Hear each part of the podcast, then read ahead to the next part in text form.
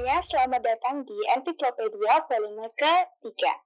Kali ini Ensiklopedia bakalan hadir dalam bentuk podcast yang pastinya bakalan seru banget karena kita bakalan bahas sesuatu yang kayaknya lagi diomong di mana-mana ya kak ya.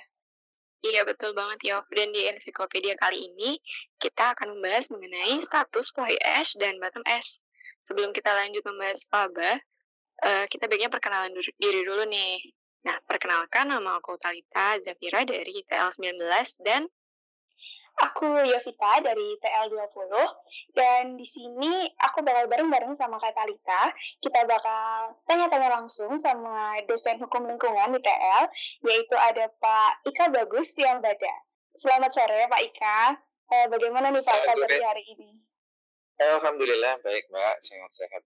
Alhamdulillah. Boleh cerita sedikit gak nih Pak lagi sibuk apa akhir-akhir ini?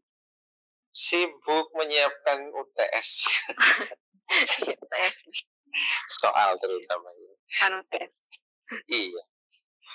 Yang lain sih ya sibuk pekerjaan. Karena memang kewajibannya bekerja begitu ya. Kalau iya. kalian kan kewajibannya kuliah. Iya. Oke, mungkin langsung aja kali ya Pak. Iya, silakan, silakan. Okay. Nah, belakangan ini kan perubahan status Pi S dan bottom S dari B3 menjadi non B3 gitu ya, ramai disebut di media massa. Nah, sebetulnya apa sih faba itu, Pak? Mungkin bisa dijelaskan mengenai fabanya dulu.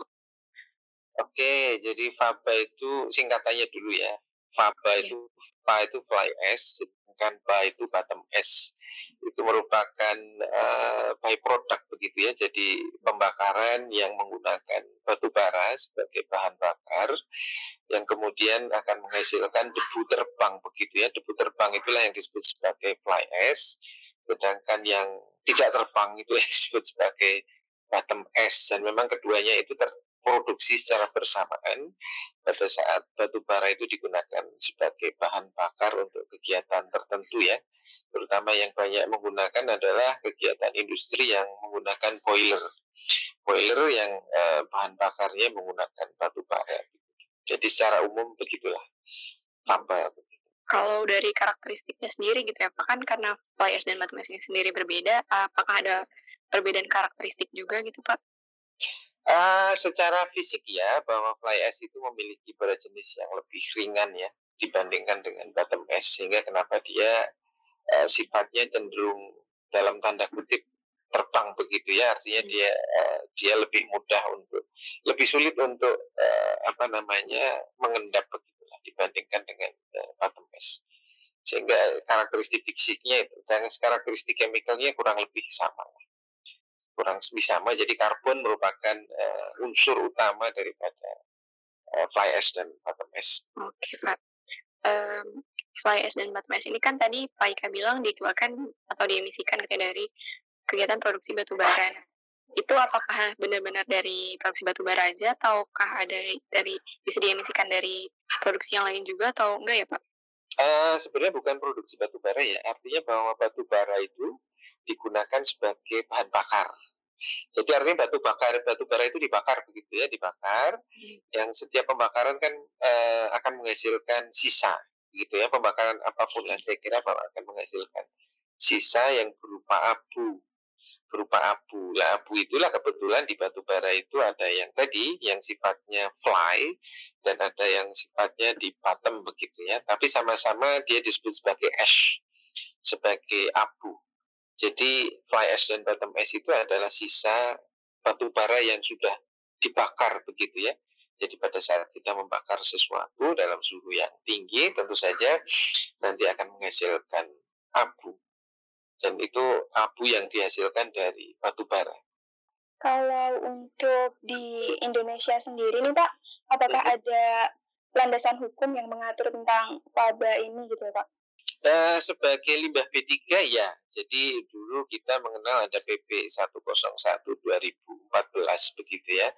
Tapi kemudian PP ini uh, digantikan dengan PP 22 2021 yang kemudian di PP 22 ini status uh, FABA sebagai limbah P3 ini sudah dihilangkan. Tetapi sebagai catatan bahwa yang hilang itu adalah FABA yang berasal dari kegiatan PLTU saja.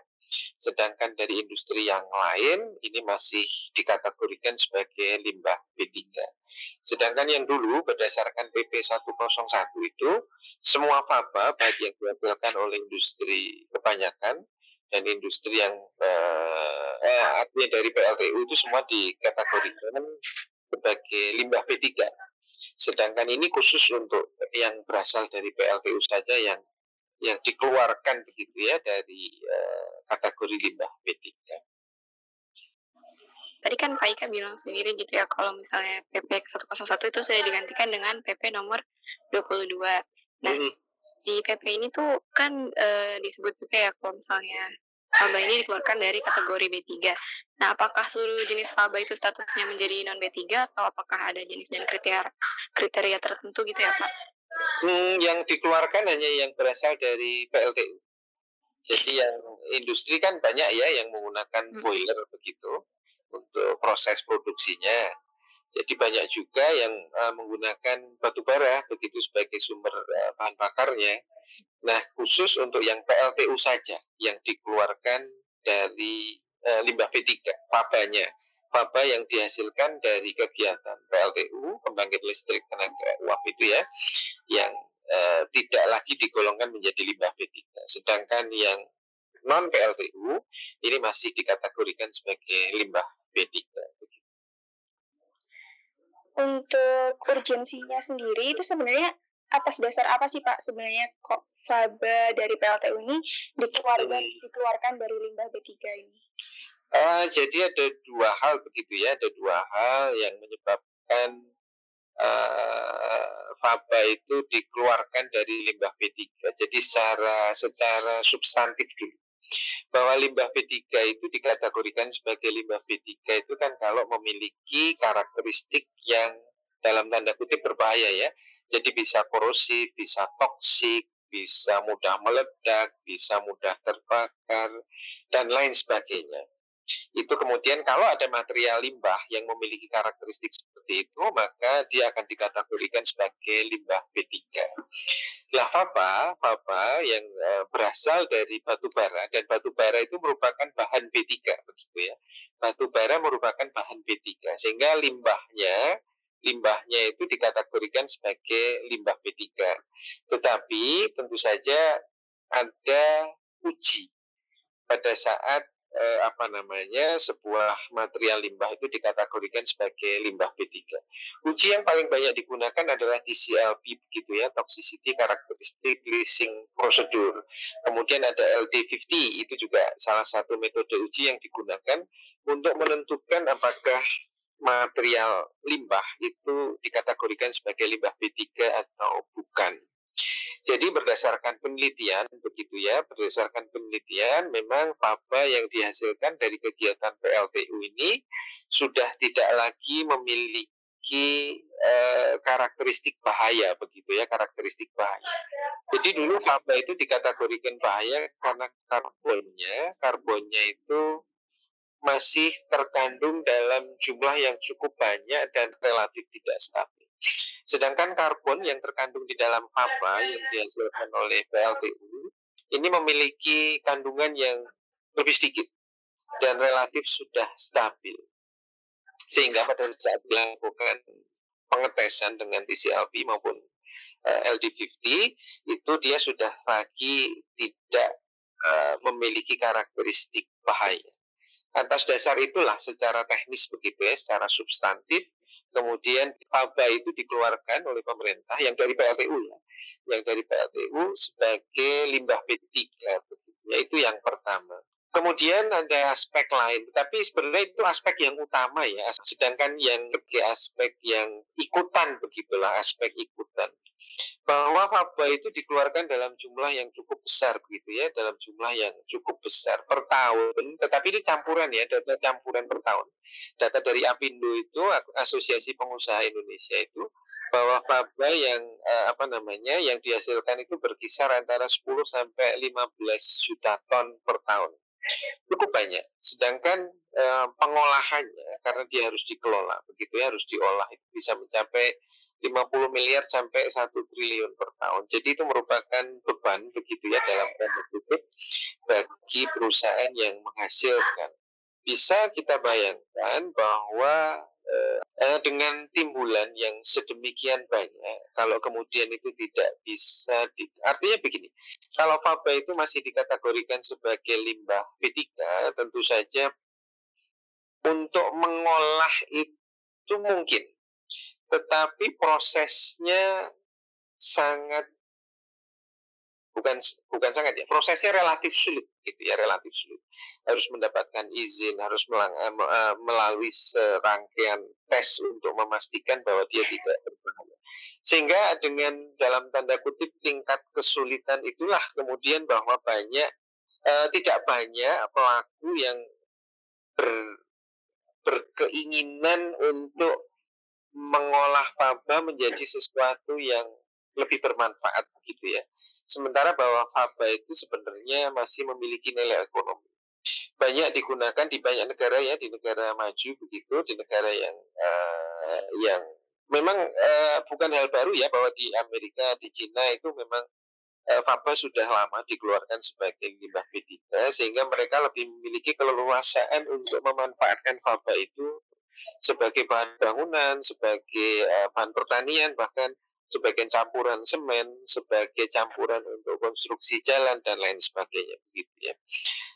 Nah dengan dengan dengan dikeluarkannya faba itu sebagai limbah B3 tentu saja potensi atau kesempatan untuk dibawa ke arah sana itu lebih besar. Artinya bahwa faba yang tadinya dijauhi dijauhi dan uh, cenderung tidak dimanfaatkan itu menjadi sesuatu yang yang bisa dimanfaatkan begitu ya yang bisa dimanfaatkan untuk menjadi material yang uh, konstruksi biasanya sih menjadi material konstruksi yang masih memiliki nilai ekonomi yang sangat baik begitu ya jadi itu tetapi tentu saja bahwa syarat utamanya bahwa dia memang sudah tidak memiliki karakteristik sebagai Eh, limbah B3 sebagai material yang memiliki tingkat kebahayaan yang cukup tinggi begitu ya. Jadi syarat utamanya itu.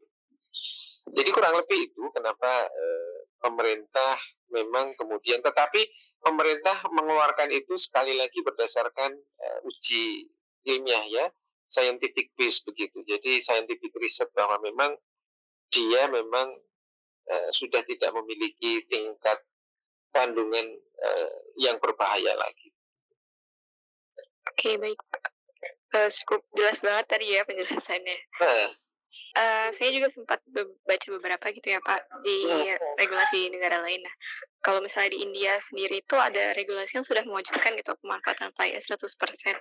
Dan tapi uh, hingga tahun 2019, 2019 pemanfaatan ash itu masih mencapai 70% gitu Pak. Hmm, nah, hmm, hmm, yeah.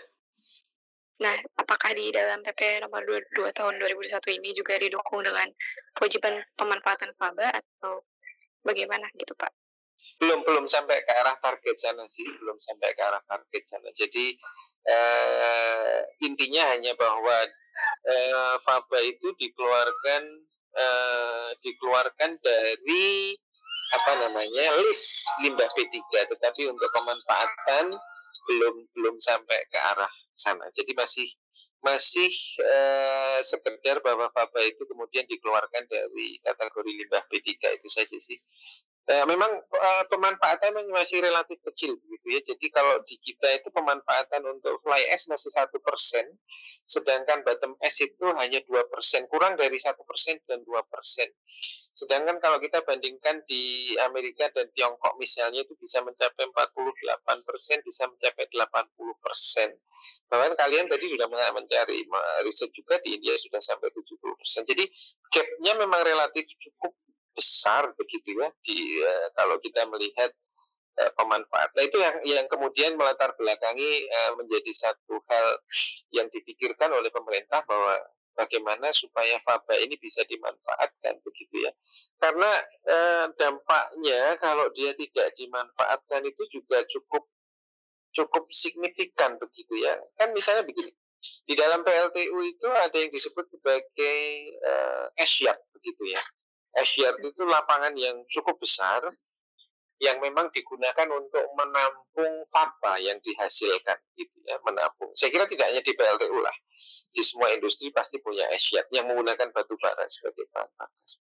Nah pada saat dia ditampung di dalam asyat tersebut eh, karena tidak dimanfaatkan itu jadi dia harus menampung itu dalam waktu tertentu sampai ada pengumpul limbah P3 yang ngambil begitu ya yang ngambil atau pemanfaat lah. Biasanya pemanfaat itu pabrik semen. Uh, nah pada saat belum diambil itulah jadi masalah begitu ya karena ada angin kemudian dia terbang-terbang ke mana-mana begitu kan. E, dan kebanyakan PLTU memang berdekatan dengan permukiman penduduk sehingga banyak penduduk yang yang apa ya yang yang kena dampaknya begitu Nah diharapkan dengan bisa dimanfaatkan. Inilah bahwa tumpukan fly ash dan bottom ash yang kita letakkan di yard ini menjadi berkurang atau bahkan mungkin nggak sempat ditumpuk ya kalau nanti pem, eh, prosentase pemanfaatannya sudah semakin tinggi bisa dikerjasamakan dengan masyarakat sekitar bikin batako bikin apa begitu ya material konstruksi yang lain. Itu tentu saja eh, harapannya mengurangi dampak daripada esyar tadi eh, terhadap masyarakat sekitar. Jadi itu salah satu keuntungan ya secara teknis ketika faba itu lebih bisa dimanfaatkan begitu ya. Jadi nggak menumpuk di esyar dalam waktu yang cukup lama. Jadi meskipun eh, belum ada arahan gitu ya Pak untuk hmm, memanfaatkan itu, tapi sudah ada rencana untuk ke arah sana gitu ya Pak? Oh iya iya. Itu salah satu salah satu eh banyak kok sekarang secara praktis begitu ya bahwa ada saya lupa di PLTU mana begitu yang sudah bekerja sama dengan dengan masyarakat sekitar untuk membangun rumah sebagai bentuk CSR begitu rumah yang berada di sekitar PLTU menggunakan batako yang berasal dari faba begitu ya itu kan menjadi sebuah hal yang baik begitu ya kalau misalnya tadinya rumahnya eh, masih belum menggunakan material konstruksi yang baik misalnya misalnya masih menggunakan bambu dan lain sebagainya atau kayu kan dengan menggunakan batako yang sebenarnya bisa dihasilkan dari apa itu kan bisa membantu masyarakat begitu untuk memperbaiki fisik rumahnya. Sebagai contoh yang saya baca misalnya uh, satu rumah ukuran tipe 72 itu membutuhkan 1.600 bataku dan itu diperoleh dari sekitar 1,1 ton faba begitu ya. Jadi uh, kan kalau faba itu dimanfaatkan batako kemudian digunakan untuk merenovasi rumah-rumah yang ada di sekitar PLTU atau di mana pun lah itu kan menjadi sesuatu hal yang positif saya kira ya dibandingkan kalau dia harus hanya diletakkan di di esyar begitu yang kemudian debunya terbang ke mana-mana. Baik, Kak, terima kasih atas jawabannya. Karena durasi podcast kita juga terbatas, mungkin podcast kali ini kita akhiri sampai di sini dulu. Dan sebelum ditutup, aku ingin menyimpulkan hasil dari tanya jawab tadi. Jadi uh, yang berganti status dari B3 menjadi non B3 itu hanya faba yang diemisikan dari PLTU saja. Dan ini berdasarkan scientific proof di mana karbonnya memang sudah berkurang dan sudah lebih stabil. Selain itu, supaya hmm, faba ini pun bisa dimanfaatkan juga karena bila statusnya masih B3, maka pengelolaannya relatif sulit dan mahal. Oke, mungkin itu kesimpulan dari saya. Terima kasih kembali untuk Pak Ika sudah mau menjadi narasumber untuk podcast Encyclopedia kali ini. Semoga saya selalu dan selamat beraktivitas kembali, Pak Ika. Sama-sama, Terima kasih juga. Yuk, sama-sama. Terima kasih.